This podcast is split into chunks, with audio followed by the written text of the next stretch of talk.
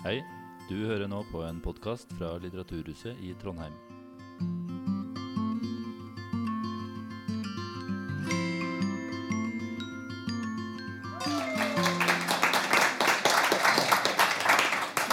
Tusen takk. Og det er veldig hyggelig at det er noen som har lyst til å høre på oss, og ikke bare på eh, den veldig berømte Sissel Gran, som eh, er i rommet ved siden av.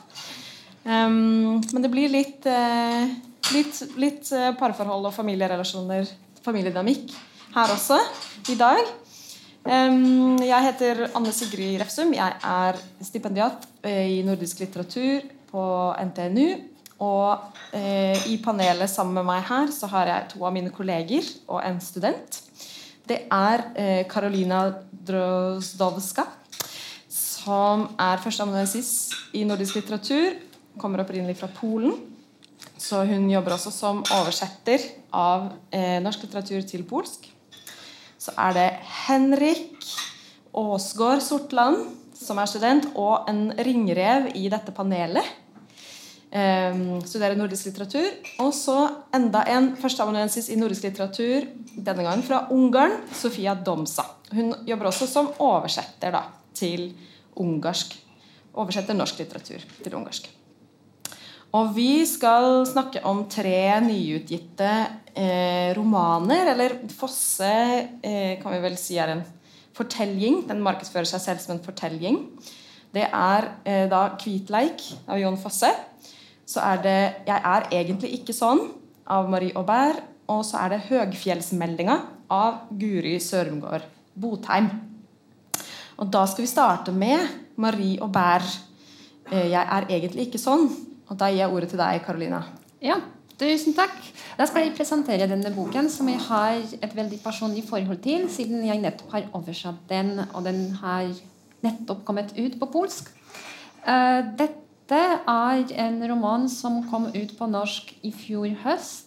Uh, Marie Aubard er en forholdsvis ny forfatter på det norske markedet. Hun debuterte i 2016 med en novellesamling. Og så utga hun en roman 'Voksne mennesker' i 2019. Så dette er hennes tredje bok. Uh, og dette er uh, for meg som er oversetter, og samarbeider med norske agenturer og prøver å plassere norske titler i Polen, så er dette en veldig typisk moderne norsk roman som forteller om en familiekrise. Den norske middelklassen og dens forskjellige kriser. Handlingen utspiller seg over tre dager i eh, en liten bygd i Nord-Norge. Eh, og det hele handler om en familiefest. Det er en jente som skal konfirmeres, og det blir stilt i stand en stor fest med slektninger og familien. I denne boken så har vi fire fortellere, så fire karakterer som gir sin stemme til fortellingen. Vi har Hanne, som er tanten til konfirmanten som kommer fra Oslo sammen med sin kjæreste Julia. Og Hanne har en litt sånn um, komplisert historie, et komplisert forhold til uh, hjemmebygda si. Fordi uh, Hanne pleide å være mobbet pga. at hun var overvektig, men nå har hun gått ned med mange kilo. Hun ser helt annerledes ut. Og hun kommer tilbake hjem, og hun er veldig usikker på hvem hun er, og hvordan hun skal forholde seg til familien og venner. Så har vi Hannes bror, som også er faren til konfirmanten, Bård. Eh, som har sin egen familiekrise, som jeg kanskje ikke skal si så mye om. Eh, så har vi faren til Hanne og Bård, som også sliter med å forholde seg til sine barn og til seg selv. Og til slutt så har vi konfirmanten Linnea, Eh, som har sin egen tenåringsdrama fordi hun nettopp har kranglet med en venninne og vet ikke hva hun skal gjøre med det. Det som jeg personlig syns er best med Marie Aubert, er at hun skriver og snakker om følelser som alle har, men ingen tør å snakke om. Fordi det er veldig pinlig og det er veldig kleint å innrømme at vi har disse følelsene. Uh, og jeg har et ganske godt sitat uh, fra en anmeldelse fra den danske Weekendavisen. Det var noen som skrev at det er vondt i magen-prosa. Og jeg syns at denne beskrivelsen passer veldig godt til det Aubert gjør i alle sine bøker. Så ja, det, innledningsvis er det det jeg hadde lyst til å si. Jeg vet ikke, Det er sikkert for tidlig å svare på, på spørsmålet om jeg syns det er bra. Uh, men jeg koste meg veldig med å oversette denne boken. Ja, Hva med dere andre? Hva er deres inntrykk av denne romanen? Skal jeg begynne, eller? Ja, jeg kom til å låne eh, en tanke som er faktisk fra en masterstudent, Hedda Krogh, som skriver, skal skrive sin masteroppgave om boka. Og hun, I skissen som hun skrev om oppgaven sin, så nevnte hun at dette her er en ungdomsroman. Og Det var noe jeg reagerte på da jeg prata med henne om romanen. For jeg tenkte altså nei, dette her er voksenroman. Dette her er skrevet for voksne folk. Men uh, da jeg leste den på nytt nå før uh, dette arrangementet, så tenkte jeg igjen jo, men dette her er ungdomsroman eh, i ordets veldig positive betydning. At den gir en slags leseglede. Den, altså, den, den er ikke så gåtefull. Den, den, på en måte slipper oss inn i en sånn komplisert, men ikke altfor komplisert familieforhold. Eh, det er sant at det er slike følelser som veldig mange går rundt med, men altså, jeg tror vi snakker om det. Det er ikke sånn at uh, det er så veldig skjult. Eh, men, men, det blir på en måte altså, lettlest tekst som da på en måte lar oss dvele ved ganske viktige problemstillinger. Og det, den, den, gir på en måte en slags uh, et bilde av det vi har i dag altså, vi, altså lese samtidslitteratur er spesielt fordi altså, Vi har behov for å lese samtidslitteratur nesten fordi vi har behov for å orientere oss selv i den hverdagen vi lever i. Og den boken er en sånn veldig fin orientering. Det er litt vanskelig å si om den vil holde, eh, om den skal bli lest, eller om det blir verdsatt om et par år. Men her og nå så sier den veldig mye om hvordan vi har det, hvordan mennesker har det, hvordan en familie har det. Hva er det som blir skjult. Men øh, det, hvis jeg får lov til å si bare to ting til, for ikke stjele for mye av tiden, så tenkte jeg faktisk på at det her altså, Litt ut øh, i teksten så glipper det litt. At det blir litt for klisjé, litt for forutsigbart. Så den starter veldig fint, men det kommer på, til de vendepunktene som det faktisk er forutsigbare, så er det liksom, ungdomslitteratur på vondt. At de på en måte bekrefter det man venter. og da, Derfor så er det liksom alle brikkene faller på plass. Og Selv om selvsagt, vi ikke får en sånn fasit på slutten, men det er, eh, ja, vi skjønner at her er slike mennesker fins. Slik tenker vi, eller tenker veldig mange eh, ondskap, eller gørr. For det er ikke sånn ordentlig ondskap. Det er bare sånn, sånn dårlige livsprosjekter, kan man si. Og Det er interessant det du sier Karolina, om dette er med oversettelse. For den er også oversatt, eller Marie Aubert er oversatt til, eh, til ungarsk. Uh, og Jeg har også vurdert litt, for jeg har lest alle de andre bøkene jeg har skrevet. Jeg må bare innrømme at jeg glemte det. Så det er veldig sånn lettlest for meg, i hvert fall, og lett glemt. Det går litt glemmeboka veldig fort, men den gir en på en måte en veldig, sånn, sånn veldig fin leseglede der og da. Jeg blir med i universet. Men så ja, når det er over, så er den over. Litt sånn Netflix-følelse har jeg da. Uh, ja, men, men uh, jeg tror at dette med oversettelse, med skjønnlitterær oversettelse, den skrur litt på verdien av disse bøkene. For slike forfattere som Marie Aubert, og slike bøker som jeg er egentlig ikke sånn, fins også på ungarsk. Det, skre, det blir skrevet av kvinnelige ungarske forfattere, og da sier jeg kvinnelige, fordi da blir det liksom på en måte plassert en hylle under. Altså det, ikke, det, det, blir liksom ikke diskutert i, i litteraturkritikken på samme Med det samme den er oversatt, så på en måte transformeres altså verdien. Det blir høyere verdi på den, for den er utenfor ja. Så det blir importert, for å si det sånn. Mm. Henrik, hva har du for uh, kommentarer? Nei, jeg kan koble meg litt på det Sofia sa da, om ungdomsroman, eller hvorvidt det er en ungdomsroman eller ikke. for jeg vi snakket jo om uh, Vigdis Hjorth sin 15 år, den revolusjonære våren i fjor høst. Uh, og da kom vi litt inn på det samme, at, at den boka opplevdes litt som en uh, ungdomsroman skrevet for voksne. Jeg fikk litt samme følelsen nå. at Det, er, det er jo en voksenbok, men at det er Når vi får Linneas konfirmantens perspektiv, så er det nesten en ungdomsroman. At den sklir litt imellom de ulike lagene. da. Mm. Men jeg, jeg tenkte på et sitat her, fordi Eh, det er jo bestefaren da, til konfirmant Linnea, eh, Nils, som da er faren til Hanne og Bård, som er de to søsknene. Han eh, tenker et sted tilbake på det som har vært da, før i tiden. Og det er en passasje som jeg synes er veldig fin, hvis jeg kan lese opp den. eh, hvor han tenker tilbake på Som jeg også føler at oppsummerer tematikken i boka generelt veldig godt. da, Og som viser at det er litt ungdomsroman, og også for voksne. da, det her er jo et eksempel. da. Så han sitter og tenker Jeg likte å klage over NRK i lunsjpausen på jobben. De fant på så mye tull i underholdningsprogrammene. Lot politikere sykle rundt på trehjulssykler eller programledere bli hypnotisert. Det var krampaktig og litt uverdig. Og jeg sa at vi måtte se på fordi ungene likte det. Det er først etterpå jeg har skjønt hvor samlende det var. At alle så på det samme. Og vite at over hele Norge satt folk i kjellerstua si, akkurat som oss. Og alle så på det programmet samtidig. Vi visste ikke hvor heldige vi var. I dag sitter folk og ser på hver sine serier på hver sin strømmetjeneste. Jeg vet ikke hva de har tenkt å snakke om i lunsjen lenger. Vi er for mye alene. Det er det jeg pleier å si. Vi har glemt alt som samler oss. Og den siste delsetningen syns jeg oppsummerer hele boka veldig bra. da. At hver av disse karakterene som vi følger, har glemt hva som samler eh, de da som familie, og oss som samfunn. da.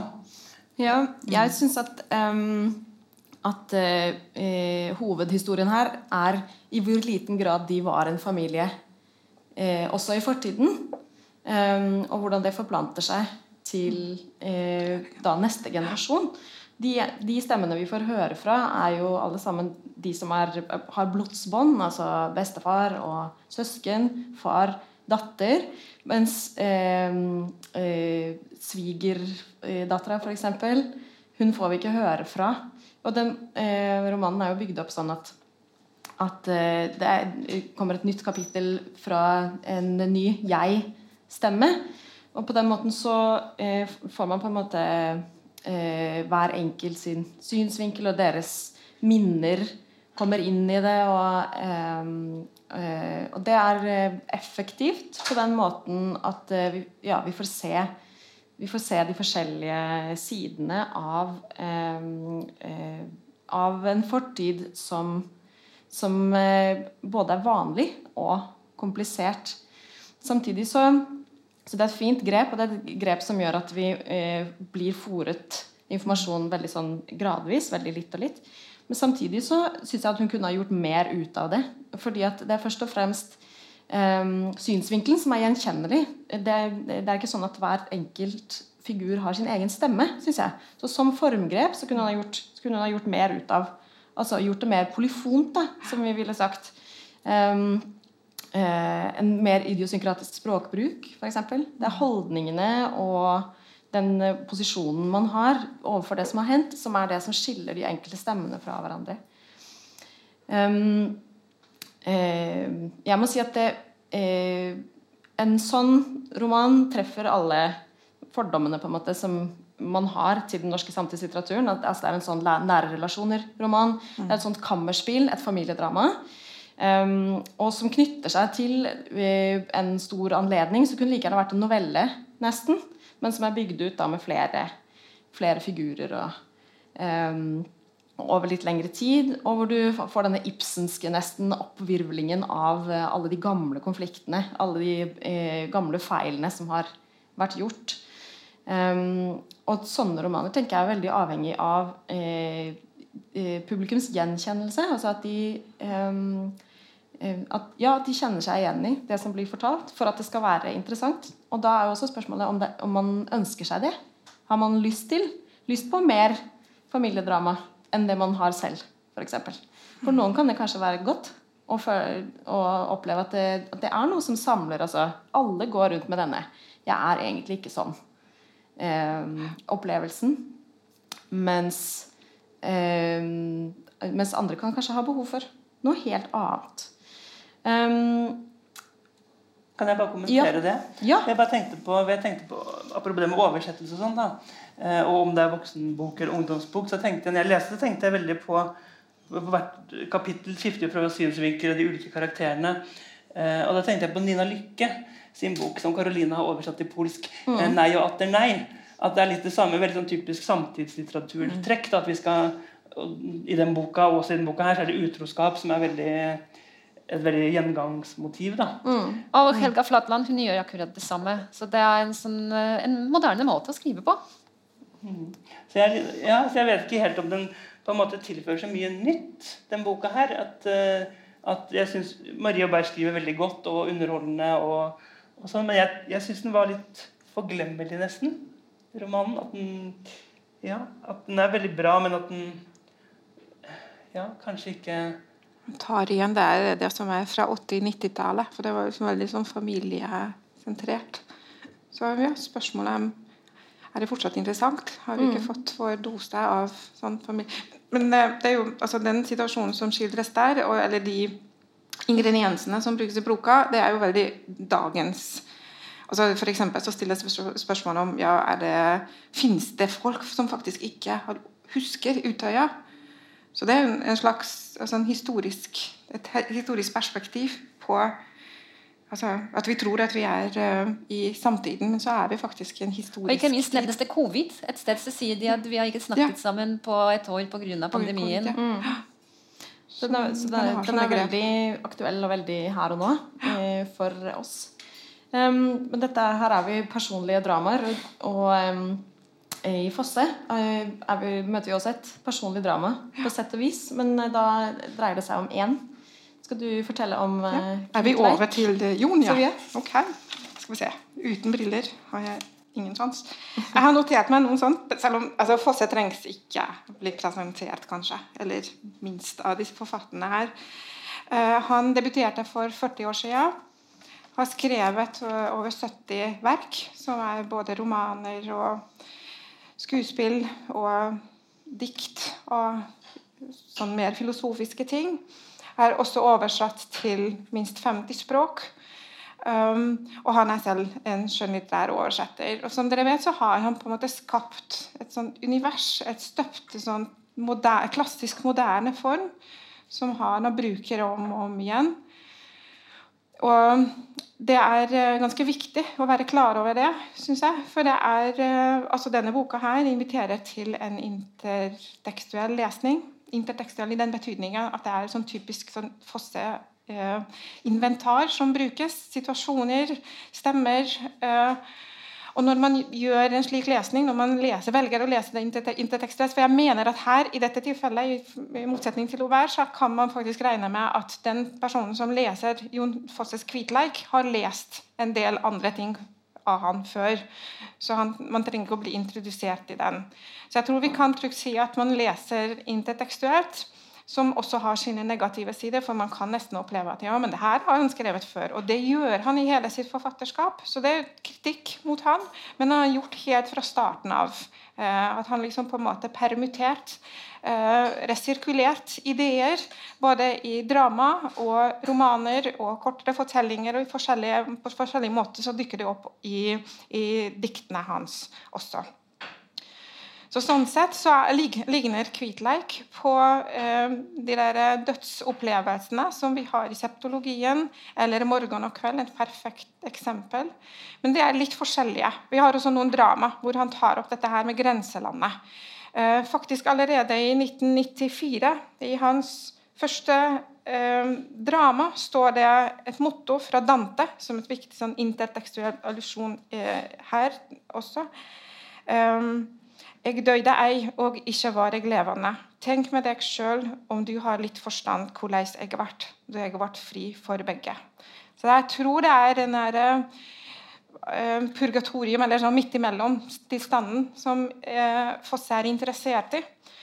og som han har, utforsket i en rekke verk. Og hva er det han gjør her i Kvitleik? Vi ble enige om å ikke spoile, men det er nesten, altså, dette er jo bare en, en veldig kort og spinkel fortelling.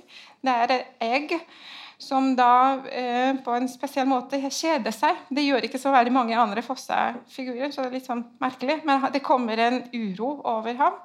Og så forteller han at han har satt seg i bilen sin og begynt å kjøre litt på måfå. Og så havnet han i en skogsvei hvor han kjørte seg fast. Allerede der kan man liksom være litt så mistenksom at ja, men eh, går det ikke an å rygge litt? Så han sier at han ikke klarer å få bilen ut av det eh, veien. Dessuten så er det litt sent på høsten, november, som han sier, og så begynner det å snø og begynner å bli litt mørkt. Og det er kaldt. Så han eh, hele tiden er liksom i selvrefleksjon. Ja, men hvorfor gjør jeg dette her? Hva er det som får meg til å gjøre dette her? Og så, så vet vi at altså, en fortelling må ha på en måte en, en, noe ekstra, en slags ekstra sånn tredje element som setter i gang altså Den indre konflikten må være drivende god, eller så må det være, kommen, må det være noe som kommer utenfra, som driver det videre. Rett og slett dramaturgisk. Og her er det dessverre det der tredje elementet som ikke er helt på plass. Så man, man, er med på hans dveling rundt dette her, den, den rare situasjonen. Og så plutselig, når han, uh, er, når han stirrer ut i mørket, skogen For han er i en skog. Uh, og Istedenfor å gå tilbake langs veien, så går han inn, mot uh, midten av skogen. Og i det mørke så begynner han å se en skikkelse som er en hvit skikkelse. Og den skikkelsen kommer nær han. Jeg kan prøve å lese hvis jeg finner det, det sitatet. Men altså, jeg er ikke så veldig flink til å lese nynorsk, da. Så det Men uh, det er noe så mørkt som det kan bli, og der framom meg ser jeg omrittet av noe som likner på et menneske. Et lysende omritt som blir tydeligere og tydeligere. Ja, et hvitt omritt der i mørket, der framfor meg. Er det langt framfor meg, eller er det nær meg? Jeg kan ikke si det sikkert. Det er uråd å si ja om det er nært eller fjernt. Men det er der, et hvitt omritt, lysende. Og jeg tror at det kommer gående imot meg. Eller gående. For det går jo ikke. Den kommer liksom bare nærere og nærere. Og omrittet er helt hvitt. Nå ser jeg det tydelig. Ja, det er hvitt. Hvitleiken i det svarte mørket blir han så tydelig. Så lysen er hvit. Er lysende hvitleik. Det er sånn veldig tydelige allusjoner til selvsagt uh, ET? Nei, aliens. Man kan nesten tro at det er sånn. Nei, det er feil. Eh, det er mer, han, han sier det selv at kanskje er det en engel, men han liksom, han, han opplever en slags varme. Til og med denne skikkelsen tar på han, og så begynner å snakke til han. Og der I den samtalen så sier han noe at 'jeg følger ikke etter deg, jeg følger deg'. Og så når han spør ham 'Hvem er du?' 'Jeg er den jeg er. Jeg er'. Det er, jo, det er jo Gud som sier det, dette til Moses i Gamle testamentet. Så her skjønner vi alle de referansene. Selv om det som sagt blir litt sånn nesten litt sånn alien-type. Sånn, en, en, overjordisk eh, skikkelse. Og så går det videre. Eh, men jeg skal ikke røpe alle, alle momentene, eh, fordi da blir det liksom ikke interessant å lese. Det er ikke så veldig mange andre skikkelser som dukker opp, men det dukker opp eh, personer fra hans fortid. Vi skjønner at han er alene, så han, så i motsetning til morgen og kveld. Så her kan det ikke være f.eks. hans datter som dukker opp og leter etter ham. For i morgen og kveld så er det kjempefint der, der, skjønner vi når, når, han går forbi sin egen datter uten å bli lagt merke til, da skjønner vi at den hovedpersonen i morgen og kveld er død. Men her skjer ikke den, det momentet. Så vi blir på en måte klar over mye tidligere at han er død, før han skjønner Han sier jo ikke det da sjøl. Eh, men familien, så mora og faren, dukker opp. Eh, og så er det en skikkelse til som i en litt sånn Netflix-referanse ligner på Lucifer. Eller hva han heter for noe, han fra han, han djeveltypen. For han har sånn svart dress, svart slips, hvit skjorte og går barbeint.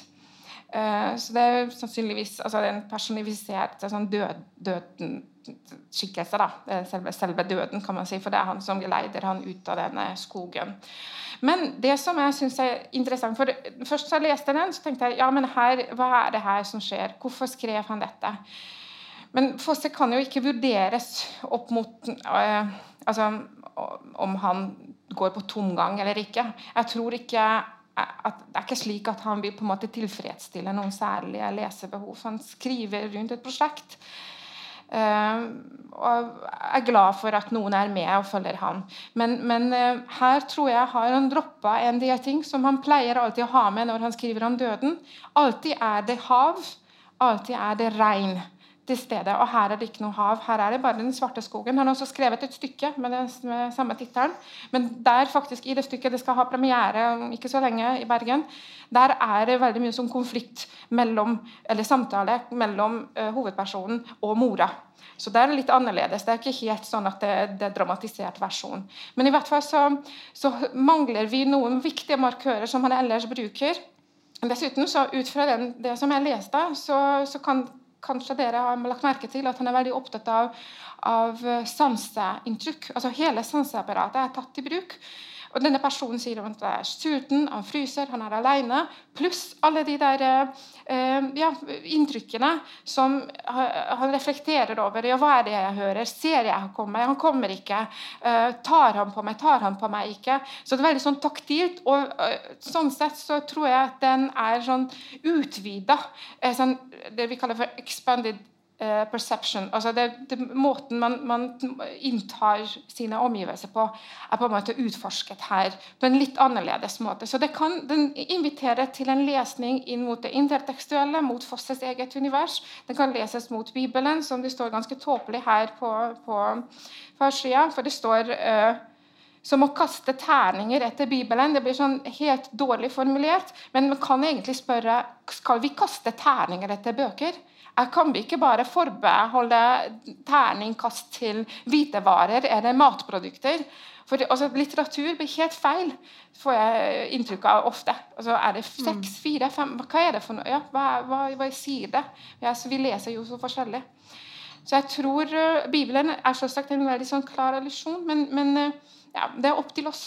Uh, det er en liten, smal fortelling som inviterer oss til en filosofisk eller taktil reise. Uh, ja. ja eh, hvis det er opp til oss, hva satt dere igjen med, Henrik? Ja, nei, jeg eh, syns det var en fin leseopplevelse, men jeg ble veldig skuffet samtidig. Altså Du oppfylte ikke forventningene? Mm, nei, jeg har generelt veldig ambivalent forhold til Fosse. da, Jeg synes at det, liksom, det kan funke, så kan det ikke funke, på en måte. Men jeg synes, det jeg koste meg med, var liksom noen av de språklige vendingene han har. Men så syns jeg også at det ikke funka. Som f.eks. at han eh, har sånne små humoristiske forsøk. da, eh, Hvor hovedpersonen har hele tiden sånn lang tankestrøm. Og da er det f.eks.: Ja, nå står jeg nå her. Sitter jeg nå her, tenkte jeg. Eh, og det er bare sånn det er et forskjell på han tenker at han står, men så sitter han i bilen og lurer på om han skal gå. Og så er det ikke morsomt, egentlig. Uh, og jeg skjønner egentlig ikke for Det står jo foran at det er en fortelling, da, ikke en roman. Mens jeg fikk mer eventyrfølelse egentlig av å lese den. da.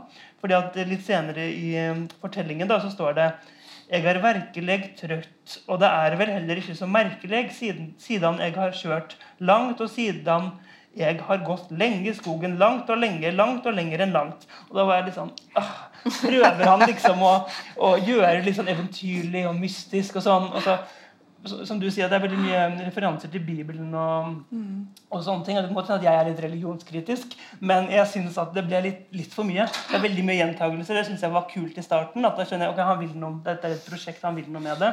Men så syns jeg bare at det virker som at han gjentar den der hvite skapningen som lyser i sin hvithet. 100 ganger, og så er det liksom bare for å fylle sidene, da.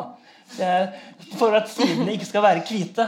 Liksom. Så jeg føler at han fyller ut med masse ord som ikke egentlig har innhold. da. Ja, Foss Fosse er jo eh, lett å parodiere nettopp pga. disse gjentagelsene. Det er noe av liksom brandet Du får se. Men du, du har røpet Karoline, at du har sterke meninger om denne har, lille boka. jeg har et problem med denne boken. Og problemet mitt er ikke med Jon Fosse, problemet mitt er, er med forlaget. Det norske Samlaget. Altså, Samlaget har Jon Fosse. Det er som å ha en superpower.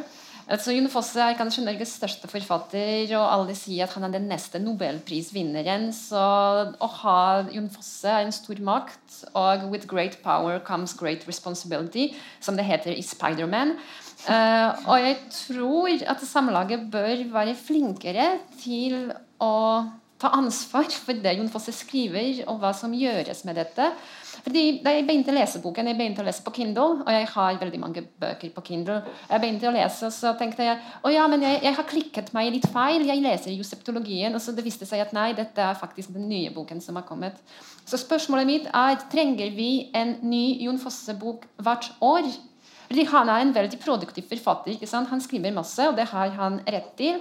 Uh, men dette har det er en bok på 70 72 sider som uh, kom ut uh, som roman. Fikk dette fine omslaget laget av Stian Hole. Koster 349 kroner. Det sjekket jeg i dag før jeg kom hit. Og så er det noe som vi har lest allerede flere ganger. Og så I tillegg så skriver forlaget, altså Det er ikke forlaget som skrev dette, det er Jan Askelund fra Stavanger Aftenblad som å kaste terninger etter Bibelen. Vi kan ikke drive med litteraturkritikk på denne måten. Fordi Dette er en påstand som vi ikke kan diskutere med. Fordi det er liksom, ja, denne boken er like god som Bibelen. Hvis du kritiserer denne, så kritiserer du Bibelen. Så det er nesten ikke lov å si at det ikke er god. Men jeg sier det. Jeg er polsk, jeg har lov til det. Men jeg har et annet sitat fra en annen anmelderen, Sindre Hovdenak fra VG, som skrev Kvittleik er som et kortfattet ekko av storverket Septologien. Og dette er en veldig fin oppsummering av hva denne boken er. Uh, så når jeg går på en konsert og jeg betaler penger for billetten, så vil jeg ikke høre ekkoet fra den forrige konserten. ikke sant? Uh, og det er det jeg føler når jeg leser denne boken, at dette er litt unødvendig. Og som sagt trenger vi en ny Jon Fosse-bok hvert år. Fører det ikke til sånn Fosse-inflasjon? Fordi inflasjon fører til krise. Og er dette en god måte å håndtere denne forfatteren på? Jeg tror at det ikke er det. Takk. Det var rene ord for pengene. Men vi kan gå videre til eh, neste nynorsk eh, bok, nemlig 'Høgfjellsmeldinga' av Guri Sørumgård Båtheim.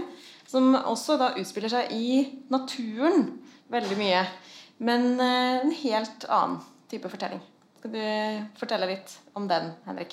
Ja. Jeg tenkte først å si kort om forfatteren. da, fordi Det er kanskje ikke en forfatter eh, som man har hørt om like mye som Jon Fosse. Men eh, Guri, Guri Sørumgård Botheim er en norsk forfatter som sammen med søsteren sin, Sigrid Sørumgård Botheim, debuterte med romanen 'Ramstein pensjonat' i 2009. Og I 2016 så ga Guri Sørumgård Botheim ut diktsamlinga 'Heime mellom istidene'. Så naturtematikken går jo igjen her. Og i mars i år kom da Botheims nyeste roman, 'Høgfjellsmeldinga', ut. Og det er den vi skal diskutere nå. Og Botheim hun kommer fra Lesja øverst i Gudbrandsdalen. Og hun flyttet nylig til nabokommunen Dovre etter mange år her i Trondheim. Så på et vis så kan vi jo si at hun er en lokal forfatter. Og ikke minst fordi romanen 'Høgfjellsmeldinga' åpner med at vi er i Trondheim. Og På romanens første side så møter vi hovedpersonen Ragna Svae, som har funnet en stillingsutlysning i avisa. og Stillingen er kommunikasjonsansvarlig ved Norsk Villreinsenter, avdeling Nord. Dette villreinsenteret ligger da på Jeg kommer nå til å si dette feil, og det gjør jeg med vilje, fordi at i boka så gjøres det et poeng ut av at veldig mange uttaler dette stedsnavnet feil. Det, eh, Villreinsenteret er da på Gjærskinn. Og eh, det er da like ved Ragnas hjemplass. Og hun kjenner en dragning hjemover og mot naturen. Hun jobber til vanlig i et lite forlag i Trondheim eh, og bor sammen med kjæresten Lars. Men Ragna er veldig rastløs, og hun velger å reise nedover på intervju. Hun får jobben på Villreinsenteret, og hun flytter til Gjærkinn. Eh, Ragna flytter alene til Gjærkinn, og kjæresten Lars helgependler til henne. Ragna er modig, og hun står opp for det hun mener allerede på jobbintervjuet. Så sjefen hennes, August, gir Ragna raskt ansvaret for å skrive NOU-rapporten, altså Norges offentlige utredning, som miljø, eh, Klima- og miljødepartementet da, har eh, pålagt dem å skrive. Og Ragna tar fatt på oppgaven med stor iver. og eh, vil at det skal ha politisk sprengkraft, men hun får plutselig en trusselmelding om at hun må passe seg og ikke um, snakke så høyt, for da kommer det til å skje grusomme ting med henne. Og Det er herfra at spenningen i romanen øker, og det hele begynner å ligne på en krimroman. Men parallelt med denne jakten på Ragnas fiende eh, som oppstår, så preges Ragna av at hun fortsatt sørger etter ekskjæresten Gaute sin bortgang. Så romanen har flere lag. og det her var på en måte et kort handlingsrist, for det er veldig mange bikarakterer. og sånn. Eh, men jeg tenker at et fint sted å starte diskusjonen kan være å spørre hva vi synes om nettopp romanens utgangspunkt. Ble dere revet med fra første side? Ja, så, Skal jeg Ja. Oi. Nei. Og det var Nei, de første 70 sidene det var, det var ikke altså, nei. Men etter det så var jeg med, og jeg er egentlig ganske takknemlig for at jeg måtte lese. For det, det er sånn fare for at man legger bort de, de bøkene man ikke syns er bra i starten. For, og Grunnen til at jeg ikke likte den i starten, var at eh, det var veldig sånn klartekst, budskap i klartekst. Altså med store bokstaver. Kven eik fjellet? Uh, og hvem er fjellet sine uh, helter og skurker? Og Det er liksom sentrale spørsmål. Uh, og I den formuleringen så ligger også det er krimaktige som tar over etter hvert og på en måte gir en slags leseglede. Så selv om man i starten føler at det blir for tydelig servert at er, at det handler om vern av en spesielt verneverdig natur, område, et spesielt verneverdig naturområde. Men så handler det også om at det faktisk nettopp ikke noe vi får vite om dette området. noe spesielt. Og Det som fanger meg etter hvert, i tillegg til at jeg synes altså, forfatteren har gjort et bra grep at den liksom gjort det litt sånn krimaktig, nesten mafiaaktig. De bruker jo mafiateknikk for å true henne. og sånn. Og Dessuten så har vi den litt sånn svake dvelinga av kjærligheten. Men etter hvert så blir det klart at alt har på en måte en slags eh, symbolsk grunn. Og noe funker bra, noe funker ikke helt bra. Uh, for øh, ja, hva skal jeg trekke fram? Det er jo i boken så står det et sted at hun kjenner til boka det er 'Dovrefjell i tusen år', som er skrevet av Gros eh, Steinsland. Jeg vet ikke om dere har vært borti den boka. Det er en kjempestor altså, kulturantropologisk gjennomgang av hva Dovre har betydd. Uh, I en større sånn, uh, mytologisk perspektiv, men også for Norge. Og så sier hovedpersonen at, uh, at, for Ragna så er ikke det viktig. For Ragna hører til fjellet, til dyra, til plantene, til steinene. Til det grunnleggende. Og det er jo det med uttalen uh, er så viktig. at Det grunnleggende ligger også i dialekter. Så hun er veldig sånn auditiv. Hun reagerer på dialektene folk snakker. Så blir det sånn, nesten sånn dialekt... Uh, nazist, eh, kan man si. Men vi skjønner etter hvert at det er litt pga. at eh, da de, da de, ble kjent, der eh, kjæresten, den første store kjærligheten, det var også det første han reagerte på, eller han, han ga kompliment, kompliment, på, det var dialekten hennes. Så det er derfor kanskje at hun er så veldig sånn, oppmerksom på hva slags dialekt folk, snakker. Og så sier, han, sier hun om seg selv jeg er, jeg, var, jeg er varsimla i regnflokken. Så hun tildeler seg en sånn veldig spesiell eh, stilling som man kan velge å tro på eller ikke tro på. Men det jeg, altså, ettersom jeg visste at jeg måtte snakke om denne boken, ikke bare si at nei, det her er dårlig eller bra, så syns jeg eh, jeg ble liksom litt mer oppmerksom på nettopp det symbolske. Og ettersom hun snakker ned på det her, eh, eller negativt om det her eh, Dovrefjell i 1000 år, som jeg er veldig fascinert av Det, det er ikke nå jeg leste den, leste den da den kom ut. Så tenkte jeg, ja, men Hva slags hint eh, bruker hun i boka til nettopp det som Gro Steinsland skriver om i forbindelse med Dovre? F.eks. etternavnet til eh, Gaute, altså den første store kjærligheten. Det er Nord.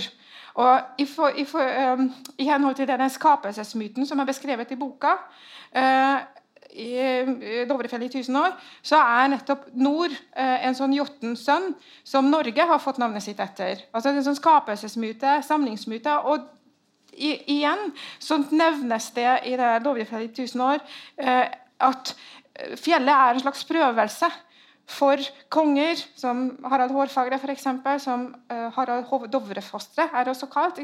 Så sånne ting, Selv om den, negativt, den snakker negativt om den boka, for den sier at den er ikke symbolsk, den er konkret, den er det og da, men så er det på en måte hele tiden sånne symboler som er i bevegelse i boka. Uh, og på et sted så står det også at um, prøver å rive menneskespråket løst fra fjellet. Få øye på metaforene så, så fjerne dem. Men i, altså, i Blotta så står nettopp en språklig produkt sentralt. Hun skal skrive rapport, høyfjellsmeldinga. Så det hele tiden er det menneskets språk. Hva er det vi makter å, å formulere med ord? Og til slutt, så, når man er liksom ferdig med den boka Man kan jo være ganske skuffa over på slutten, hva som skjer på slutten, hvorfor det er liksom slik avslutning og sånn. Men til syvende og sist så kan man faktisk vurdere en ganske viktig, et ganske viktig spørsmål. Ja, Hva er språket vårt? Hva, hva makter språket vårt? Hva kan litteraturen gjøre for å endre verden? Så jeg, jeg tror, sånn sett så gir, setter, oss, setter, den oss på en sånn viktig spor. Det var et uh, stort spørsmål, og det er jo en roman som tar opp veldig mange store spørsmål. Du, eh, i, på, I mange forskjellige stiler. Hadde du noe du ville si om det, Karoline? Ja, jeg opplever at denne boken prøver å være mange ting på én gang. Uh, så dette er krim, dette er spenning, dette er kjærlighetshistorie. Det er en historie om hvordan vi lever med sorg. Uh, og dette er en slags økokritisk betraktning av samtiden. Uh, og jeg er veldig usikker på om dette er bra eller ikke bra. Det, det, var i hvert fall det jeg la merke til nesten med det samme. Og det er interessant at denne boken uh, er såpass eklektisk sjangermessig. Men det som irriterer meg litt, er at hun Ragna, hun hovedperson, hun er ekstremt irriterende. Ekstremt usympatisk. Og eh, jeg slet veldig med å identifisere meg med henne. Eh, det er hele denne kjærlighetshistorien, og det er ikke bare to, men faktisk tre menn som hun er opptatt av. Den ene er død, og den andre er prest. Og den tredje er hennes kjæreste, som jeg syns veldig synd på.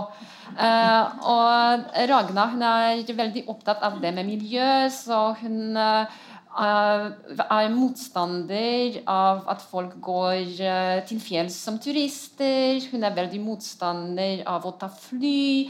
Og jeg, har faktisk et avsnitt som jeg har markert med sånn rosa lapp, og det betyr at det er sånn ekstremt irriterende. uh, og her er det Lars, uh, han stakkars Lars, han er kjæresten til Ragna, og Ragna som krangler. Og Lars sier, og beklager mi, uh, mitt håpløse nynorsk og så forventer du sier Lars, og så forventer du at jeg skal heie på deg når du er ute på banen og spiller kamp. Og så hva svarer Ragna til det? Hvorfor bruker du fotballmetaforer? Du vet at jeg ikke liker fotball. Aldri det kommer sjele. Altså, Hæ? Uh, kom igjen, Ragna, da. Så det, det, det at Når man har en roman med en veldig tydelig hovedkarakter som virker usympatisk på leseren, da er det litt slitsomt å lese. Um, og I tillegg så har jeg noen sånne småkommentarer til hvordan denne boken er blitt redigert. I tillegg til at jeg er oversetter, så jobbet jeg i et forlag flere år. Jeg er sikkert veldig sånn yrkesskadet. Uh, men her er det flere steder. Jeg kan kanskje gi to eksempler. Og det er ikke forfatteren sin skyld, skyld hvis vi skal snakke om skyld, det er redaktøren sin skyld. Uh, vi har slike setninger som f.eks. Gaute var en type person som folk enten likte eller mislikte. Er vi ikke alle slike personer da? Eh, eller det står at de møter hverandre for tidlig eller for seint. Det er sånn, det er her redaktøren bør komme inn og si hei, her må vi gjøre et eller annet med slike setninger. Og denne boken er full av sånne irriterende småting som burde ha vært uh, oppdaget i redaksjon.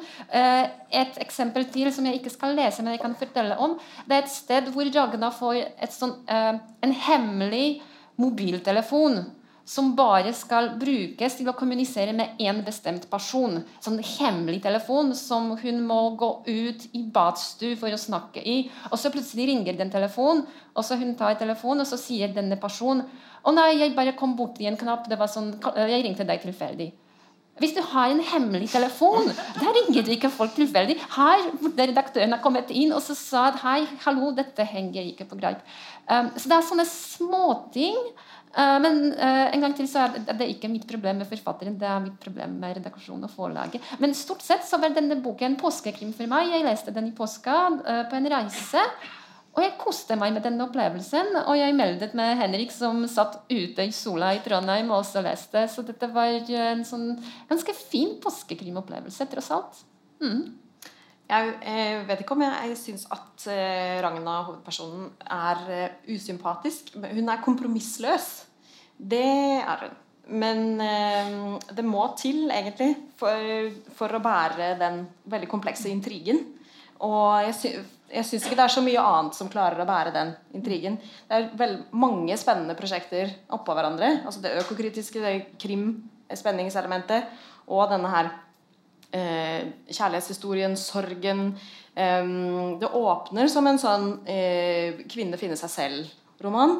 Og jeg syns faktisk egentlig at den godt kunne ha blitt værende der.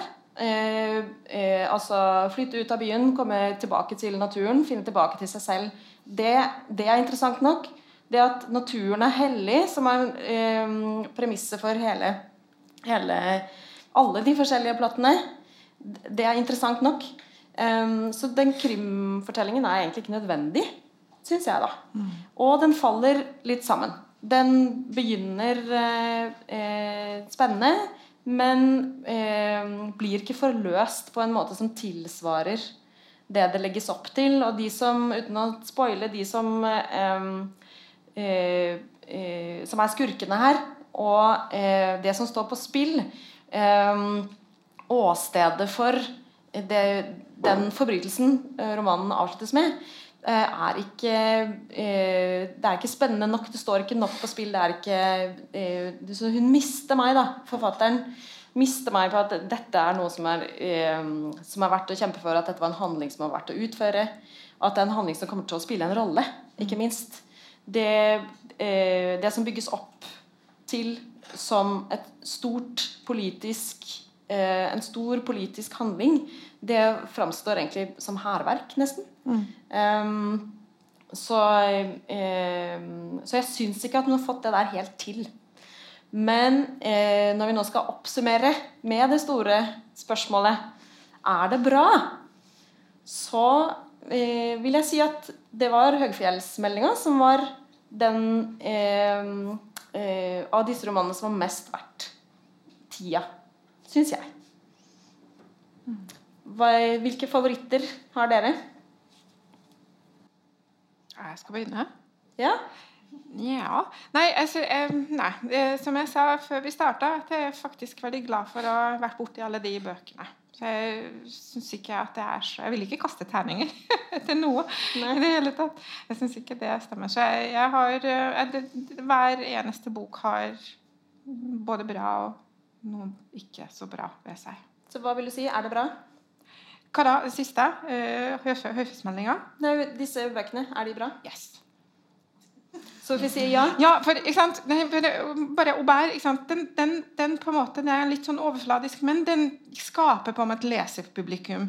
Fosse, De som elsker Fosse, de er veldig takknemlige for å, at det kommer bøker sånn, sånn, kontinuerlig. da, At man får litt sånn tilfredsstilt det behovet. Høfjellsmeldinga gjør det den også beskriver i boka selv. Den delegerer på en måte et spørsmål, og så, stiller, og så kaster på en måte stein i glasshuset. Så, så blir det liksom vi, vi, diskuterer boka fordi den, altså den tar opp viktige spørsmål, men den tar det på, opp på en ekstrem måte. Og den klarer faktisk å delegere det spørsmålet over til oss. Det synes jeg er kjempebra. Så begge, altså, eller alle tre bøkene får det, får det, til på en måte.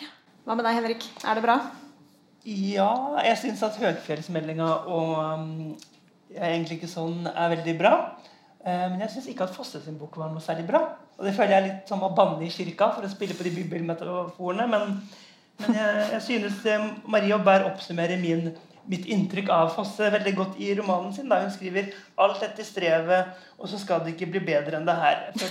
Jeg følte, at det var liksom 70 sider som han har skrevet veldig nøye, og så var det egentlig ikke så interessant. Men jeg vil legge til da, om høgfjellsmeldinga at jeg syns at den også har et både økokritisk eh, perspektiv, men også feministisk perspektiv. Mm. Og jeg føler at Ragna nesten Kanskje hun opplevdes litt usympatisk eh, fordi at hun, hun, er litt mann, på en måte.